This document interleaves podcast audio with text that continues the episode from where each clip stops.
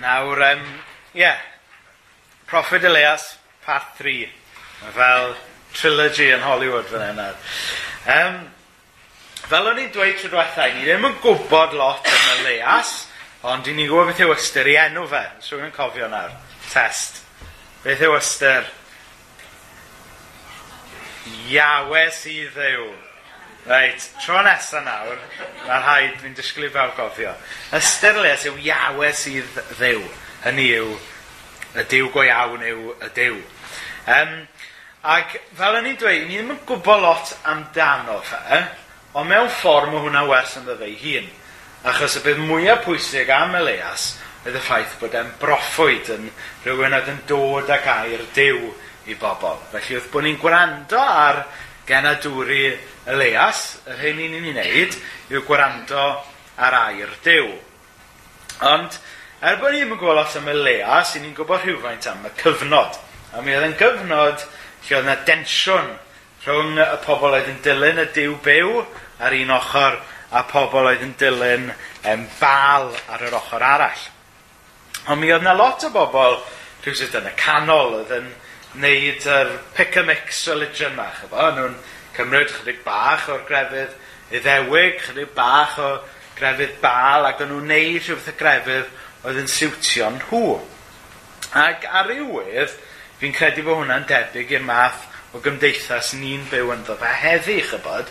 Mae pobl yn cymryd lot o syniadau gwahanol a, a creu dew, dew dyfach sydd yn siwtio nhw yn hytrach na cydnabod y gwir ddew a dilyn Iesu Grist, chi. So, so mae, mae rhywbeth i'n cyfnod ni fi'n credu yn yr hanes yma ynglyn â Elias.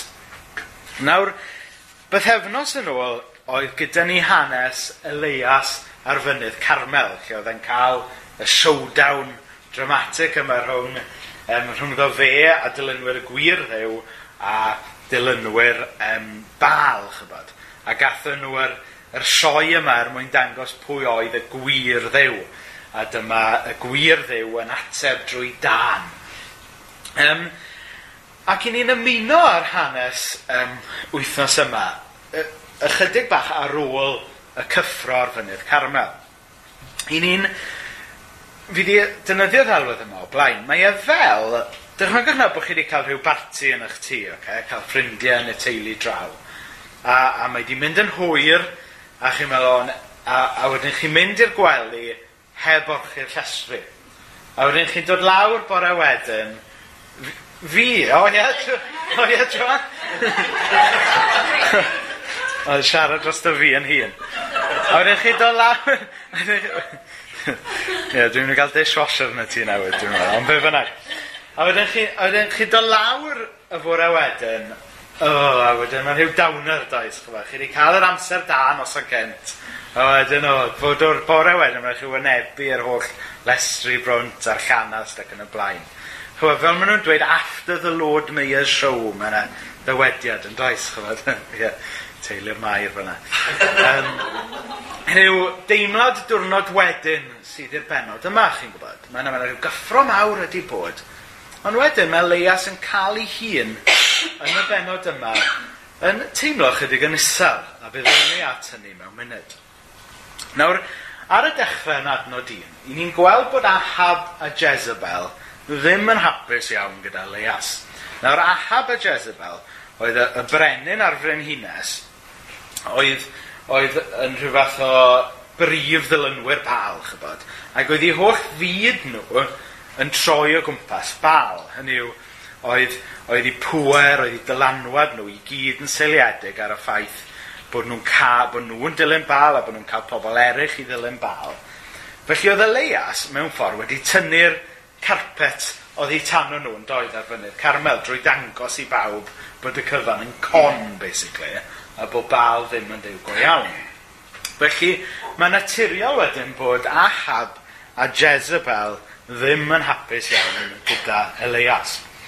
A mae Jezebel yn penderfynu, yn cofio pan oedd um, mae hwn yr acordio nawr, pan oedd, pan oedd, pan oedd dad ac Elain yn chwaer i'n cwmpa mas, a dad os y dod yma Jezebel.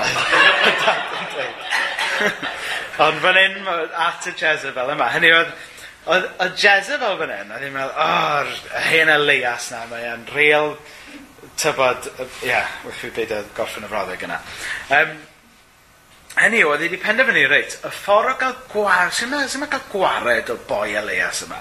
A mae'n penderfynu, wel, beth am ladd Elias? Get, get rid of the man, get rid of the problem. Os newn ni ladd Elias, wneud pawb yn fian iawn anghofio fydd y gwyddoedd ar mynydd Carmel a wneud pawb ddod nôl i ddilyn bal. A Jezebel yn meddwl byddai hi'n gallu rhoi taw ar Elias, taw ar y diw byw drwy ladd Elias. Felly dyna sy'n mae'r hanes yn dechrau. Mae'r hanes yn dechrau gyda death threat yn erbyn Elias. Nawr, dwi'n gobeithio bod neb yn wedi cael death threat, ond allai ddychmygu bod e'n dipyn o brofiad. Chyfo, i ni'n cael rhyw brofiadau anodd mewn bywyd. Cael death threat, mae hwnna'n dipyn o brofiad i fynd trwyddo, mae'n siŵr. Nawr mae pobl yn dweud yn dydy fod bywyd fel roller coaster. Chi'n clywed pobl yn dweud yn dydych chi. A ni'n...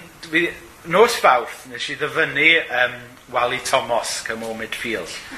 Um, a na i ddyfynu fe eto. Oedd e'n Wally Thomas yn cael sgwrs gyda Mr Picton a oedd wedi bod trwy rhyw brofiad anodd. A Wally Thomas yn dweud wrth Mr Picton, um, mae bywyd fatha pryd o fwyd Chinese, Mr Picton ni cheir a melus heb y chwerw. Um, a mae Ond ma, on mae Wally Thomas yn siarad gwirionedd yn dydy, fel yna, mae bywyd. Ac i ni'n gweld hyn nawr yn mywyd Elias. Mae ei fywyd yn wir fel roller coaster. Un, un munud mae e'n cael ei hun am sychder a newyn. Munud nesaf mae'n cael y llawenydd o arwen um, dynes i weld bod yr arglwydd yn arglwydd sy'n rhoi bywyd. Munud nesa, um, mae e'n ennill ar fynydd Carmel. A'r munud nesa, mae Jezebel yn bygwth i fywyd e. A chi roller coaster o brofiadau mae Leias yn mynd trwyddo, dy fe? Um, life is a roller coaster, fel wedodd Rowan Keaton, ond dyna ni. Um, ac A pan i ni'n mynd trwy brofiadau bywyd, chywed, sy'n mynd â ni lan un mynd lawr ochr arall, wff, mae fe'n eich, mae fe'n ymladd chi, dydy? Mae fe'n eich blino chi profiadau mae bywyd yn taflu ato chi. A mae'n siŵr bod y leas fan hyn yn y benod yma wedi blino, bod e wedi ymladd, bod e, fi'n credu eich ni ddweud, bod e falle dros y llun emosiynol falle, wedi cael yr holl brofiadau yma. A mae'n ddigon naturiol felly i Elias yn y benod yma deimlo yn eitha isel, chi'n gwybod. Ac yn adnod pedwar, i ni'n deall bod e'n teimlo mor isel bod e yn ystyried cymryd i fywyd i hun. Felly, nid rhyw fath o, chybod, mae pobl yn dweud weithiau bod gen nhw'r Monday Blues di llun, ond jyst ddim eisiau mynd nôl i'r gwaith maen nhw. Tuesday Blues mae Gwynedd Ogden yn cael. Ond, um, ond nid rhyw fath o, nid rhyw fath o felan fach, nid rhyw fath o Monday Blues. Ond mae yna iselder difrifol gan Elias fan hyn yn does, i'r graddau bod e'n ystyried cymryd i fywyd i hun. Nawr, dwi wedi rhannu hyn o'r blaen yma, ond mae, mae hanes o iselder a salwch meddwl yn fy nheulu i. Um, ac allan o brofiad teulu, dwi wedi gweld sut mae Cresnogion yn gallu ymdrin â'r mater yma yn y ffordd anghywir. Mae yna rai Cresnogion yn dweud, a hynny'n anghywir, bod, bod os ych chi'n dioddau selder, bod, bod chi rhywsyd ddim yn dangos digon o ffydd, chyba. Neu, neu os ych chi'n dangos y selder neu rhyw salwch meddwl arall, bod chi ddim yn gristion go iawn. Wel, dydy hynna ddim yn wir. A fi'n credu bod hanes Elias fan hyn yn dangos hynny i ni. Achos mae hanes Elias yn dangos i ni fod pobl sydd yn dilyn dew yn gallu dioddau selber fel pawb arall. A da ni'n gweld o fyma yn hanes Elias. Ond nid yn unig bod pobl sydd yn dilyn dew yn gallu dioddau salder fel pawb arall, ond mae e'n dangos fod Dyw yn defnyddio pobl fel Elias, pobl toredig, pobl sy'n cael hi'n anodd weithiau. Hynny yw, pobl falle mae cylchoedd eraill mewn cymdeithas ddim yn trystod, ddim yn meddwl bod nhw'n safe pair o hands i wneud rhywbeth. Ond fan hyn, i ni'n gweld bod Elias dyn sy'n ansefydlog falle, dyn sydd wedi bod trwy profiadau anodd, dyn sy'n dioddef a selder, bod yna le i Elias a pobl fel Elias yng nghynllun mawr Dyw. A mae hwnna'n hyfryd dwi'n meddwl. A dwi'n meddwl mai yn hanes Elias i ni'n darganfod sut dyle agwedd y Cristion fod tuag at y salder a tuag at salwch meddwl. Nawr, um, mae'r hanes wedyn yn mynd mlaen i ddweud yn hyfryd iawn sut mae Dyw yn adfer iechyd ac yn adfer ysbryd yn adfer enaid Elias. A mae'r hanes yn yn dysgu ni fod, um, fod Dyw yn atgyfnethu fe'n gorfforol, yn feddyliol ac yn ysbrydol. Achos mae'n bwysig i ni gofio yn bod ni'n greaduriad sydd y corff meddwl ac enaid yn dydyn ni. Ac, ac i ni weithiau yn meddwl chybod, bod, bod Dyw dim ond y diddordeb yn yr enaid. Chybod a bod ni'n rhyw trio sortio'r gweddill yn bywyd allan yn hunain. Ond mae Dyw yn hanes Elias fan hyn yn dangos bod e'n darparu ar yn cyfer ni yn gorfforol, yn feddyliol ac yn ysbrydol. Nawr, um, yr hyn sy'n digwydd i ddechrau yw bod Dyw yn caniatau Elias gael gorffwys. Nawr, um, mae'n swndio'n alfennol yn dydi? Wel, wrth gwrs, mae angen i bawb gysgu. Um, Ond weithiau, ni'n gallu cymryd hynna'n ganiatal yn dydyn. Um, mae yna stori ynglyn â Geraint Tudur. Dwi'n siŵr bod fi wedi deud y stori o'r blaen. Um, Geraint Tudur yw ysgrifennydd cyffredinol yr annibynnwyr. A cyn hynny oedd e'n um, oedd e'n ddarlithydd yn y brifysgol yn Bangor. Ac um, oedd e'n ddyn prysur iawn, a rhai blynyddoedd yn ôl, dyma iechyd e'n torri. A dyma fe'n mynd at y doctor, oedd y doctor yn gofyn iddo fe, well, talk me through your usual week. A wedyn meddai Geraint, well, Monday and Tuesday I'll be lecturing all day, um, on a Wednesday I'll be doing research work, and Thursday and a Friday I'll be leading seminars, then on a Saturday I'd be writing sermons, then on a Sunday I'd be out preaching all day. A'r doctor yn dweud wrth Geraint, well, I'm not a chapel goer, but I know that even God took one day off a mae e'n wir yn dydy. Mae gorffwys yn rhan o gynllun dew i ni. Da ni wedi'n creu fel creaduriad sydd angen gorffwys. Um, Chyfo nawr pan chi'n prynu rhyw um, microwave neu rhyw fridge newydd neu rhywbeth chybod i'r tŷ. A mae yna sticker arno fe'n dweud chybod, use only by manufacturer's instruction, chybod. Ac os chi'n dynyddio fe mewn rhyw ffordd gwahanol, chi'n ei dorri fe. Ond mae'r un peth y wir amdano ni. Da ni wedi creu yn greaduriad sydd angen gorffwys yn ein bywydau. A mae'n bwysig i ni beidio esgaluso hynna. Mae'n bwysig bod ni yn cymryd sabath er mwyn gorffwys yn gorfforol, ond hefyd er mwyn gorffwys er mwyn cael cymryd mynydau gyda Dyw i atgyfnerthu yn ysbryd. Ac Dyna i ni'n gweld yn gyntaf yn yr hanes yma gyda Elias, bod Dyw yn caniatau iddo fe gael amser i orffwys. Wedyn, ar ôl i Elias gael bach amser i orffwys, mae yna angel yn troi lan i'w ddeffro fe. Nawr, fe'n bore, rhyw larwm swmchyd sydd gyda fi mewn. Byddai'n neis, byddai neis cael angel i'ch deffro chi, byddai. Ac angel sy'n deffro Elias fan hyn, yn, um, o, dwi'n dyn mi, yn adnod uh, chwech, a pan edrychodd wrth ei ben yr oen yna, ni'n dod at yna mewn munud, dyma angel yn ei ddeffro fe, dyma'n deffro, dyma'n mae'n n, edrych yn ei bedside cabinet, wy'n dychmygu bydda bedside cabinet gyda fe, a mae yna glasiad o ddŵr yna a teisen. Wel, a chi dda, chyfod. Nawr, ar y pryd, y teisen, rhyw fath o dorth o fe, chyfod. Nid Victoria Sponge, chyfod. Ond, um, Ond beth sydd gyda ni fan hyn yw fod Elias wedi cael gorffwys, wedyn mae Dyw yn darparu dŵr a bwyd iddo fe. Hynny yw, be mae Dyw yn annwl iawn yn neud, ydy i nyrsio fe mewn ffordd, ynddo fe? Dyna beth sy'n digwydd fan hyn. Clywach, ni, all, fe all, petaswn ni, os ni'n gallu gor-ysbrydoli y rhan yma. Ond yn syml iawn, be mae Dyw yn neud fan hyn i Elias, ydy nyrsio fe gofalu ar ei ole, wneud yn siŵr bod e'n gorffwys, wneud yn siŵr bod e'n bwyta'n iawn. A fi'n credu bod e'n ddalwedd hyfryd yn dydy. Mae Dyw eisiau gofalu ar yn hole ni gyda'r basics yma. Mae eisiau ni orffwys digon. Mae eisiau ni ofalu am yn cyrff a wneud yn siŵr bod ni'n bwyta'n iawn.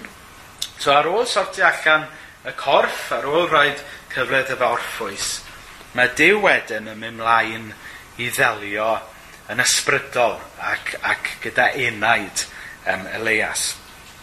Nawr, yn adnod naw, mae e'n holi Elias, wel, beth sy'n bod? Pam bod ti wedi mynd i'r fan yma lle ti'n teimlo mor isel? Ac, ac mae ateb um, Elias yn llawn hunan dosturi mewn gwirionedd. Mae e, mae e'n dweud, wel, dyma dy fi sy'n ar ôl o dy bobl di. Um, fi, fi di bod yn ffyddlon um, yn dy ddilyn di, ond be, drach, drach leifi nawr i fi ar ben fy hun a mae'r Jezebel yma eisiau cymryd y mywyd i. Hynny yw, mae, mae yn eitha hunan dosturiol yn dydy. Ond y gwir amdani, petasau ni di mynd trwy'r profiadau mae leias di bod trwyddo, dyna sut fysyn ni'n teimlo, dyfa, os nad gwaith. Mae'n amlwg fod y profiadau yma wedi peri i Elias gochi prospectif ar bethau. Achos dyna, sut, dyna beth ydy hunan dosturi mewn ffordd, ynddo fe? Ydy cochi prospectif. Um, bosib iawn fod Elias wedi bod mor brysur yn gwneud gwaith dew nes bod ei hun wedi mynd yn bell o ddi wrth Dyw. A mae'n bosib, a mae hynna'n gallu bod yn wir amdano ni, dydy? Bod ni mor brysur yn crefydda fel petai, yn yn dod i'r capel a wneud pethau'r capel, mynd i'r cyfarfod hwn, mynd i'r cyfarfod arall, cofio ystyn y blodau, cofio chyfod dewis y mynau. Chyfod, allwn ni fod mor brysur yn gwneud pethau dew, fel bod ni wedi mynd yn bell o ddiwrth ddew. Mae'n rhyfedd dydy bod prysurdeb yn ei pethau dew yn gallu golygu bod chi'n mynd yn bell o ddiwrth ddew. Ond yn rhywbeth tebyg fi'n credu sydd wedi digwydd e leias fan hyn. Wedi bod mor brysur gyda'r hw-ha yma mynydd Carmel a bob dim, nes bod wedi anhofio y peth syml yna, sef i berthynas bersonol e gyda Dyw. Ac, um, a mae Dyw felly'n dweud wrtho fe fynd fyny i fynydd horeb i aros amdano fe. A wedyn, um, i ni gweld yr hanes bod, bod yr um, bod y gwynt cryf wedi codi, ond oedd Dyw ddim yn y gwynt bod y ddeargryn mawr wedi taro, ni wedi cael deargryn fan hyn yn y dyddiad diwetha, deargryn wedi taro, ond oedd Dyw ddim yn y ddeargryn. Wedyn y, y tân mawr yn syrthio, ond oedd Dyw ddim yn y tân. Wedyn, ddath distawrwydd llethol. Ac yn y distawrwydd yma, mae Dyw yn siarad gyda Elias ac yn adnewyddu i ysbryd e. Nawr dwi'n meddwl bod yr hanes yma ynglyn â Dyw yn siarad yn y tawelwch yn heriol iawn i ni heddiw. A, a da ni am watcho ffilm mewn munud sy'n trafod mwy am hyn. Achos i ni'n byw mewn cymdeithas heddiw lle mae jyst gymaint o sŵn a brysurdeb o'n cwmpas ni'n barhaus. Os di'r teledu ddim mlaen, mae'r radio mlaen. Os di'r radio ddim mlaen, mae'r mae'r e-bost mlaen, os di'r ffôn ddim yn canu, mae'r mae tybod, mae'r mae, mobile ffôn yn canu, mae yna brysurdeb a sŵn o'n cwmpas ni. Mae'r gair yn yn dysgu ni bod Dyw yn siarad gyda ni yn y tawelwch. Felly tybed oes angen i ni weithiau arafu lawr. Tybed oes angen i ni weithiau roed y radio off, roed y teledu off, er mwyn gwario quality time fel petai y gwrando ar lais dew. A fi'n pregethu hwn i fi fwy na neb. Tybed ydy'n prysurdeb a sŵn yn bywydau ni yn golygu bod ni'n boddi llais dew allan. Mae yna herf yna fi'n credu i fi a, a jyst i'n cymdeithas ni yn gyffredinol. Nawr, wi wrth y modd gyda'r hanes yma, achos mae e jyst yn dangos y ffordd mae Dyw yn gofalu ar ôl Elias ar bob lefel, yn dweud. E? Mae'n mae mae'n neud yn siŵr bod e'n cael cwsg, mae fe'n neud Victoria Sponge iddo fe. Um, ond yn fwy o pwysig ar y diwedd, mae e'n llefaru gyda fe ac yn adnewyddu i ysbryd e. Ac, um, a mae'r holl hanes yn atgoffa fi o bennill ola yr, yr enbyn ma wnaethon ni ganu dros cyn y bregau. Mae newid ei fendithion i gwrdd ag angen dyn. Mae'n ddoeth ym mhob dibenion erioed ni fethodd un. Ein bara sydd bo bore yn dod o'i ddwylo ef, a chynnel ein heneidiau, wna byth a bara'r nef. Chybo, bron fel bod elfed i sgwennu y, y pennill na ar ôl darllen am y ffordd mae Dyw yn trin Elias yn dod. A mae e'n gysur gobeithio i bob un ohono ni, yn arbennig rhai um, pan ych chi'n cael eich hun mewn man lle chi wedi blino, lle chi'n isel falle, bod Dyw yn gallu yn trin ni, yn cysuro ni ac adnewyddu'n hysbryd ni yn yr un ffordd y mae e'n neud gyda Leias.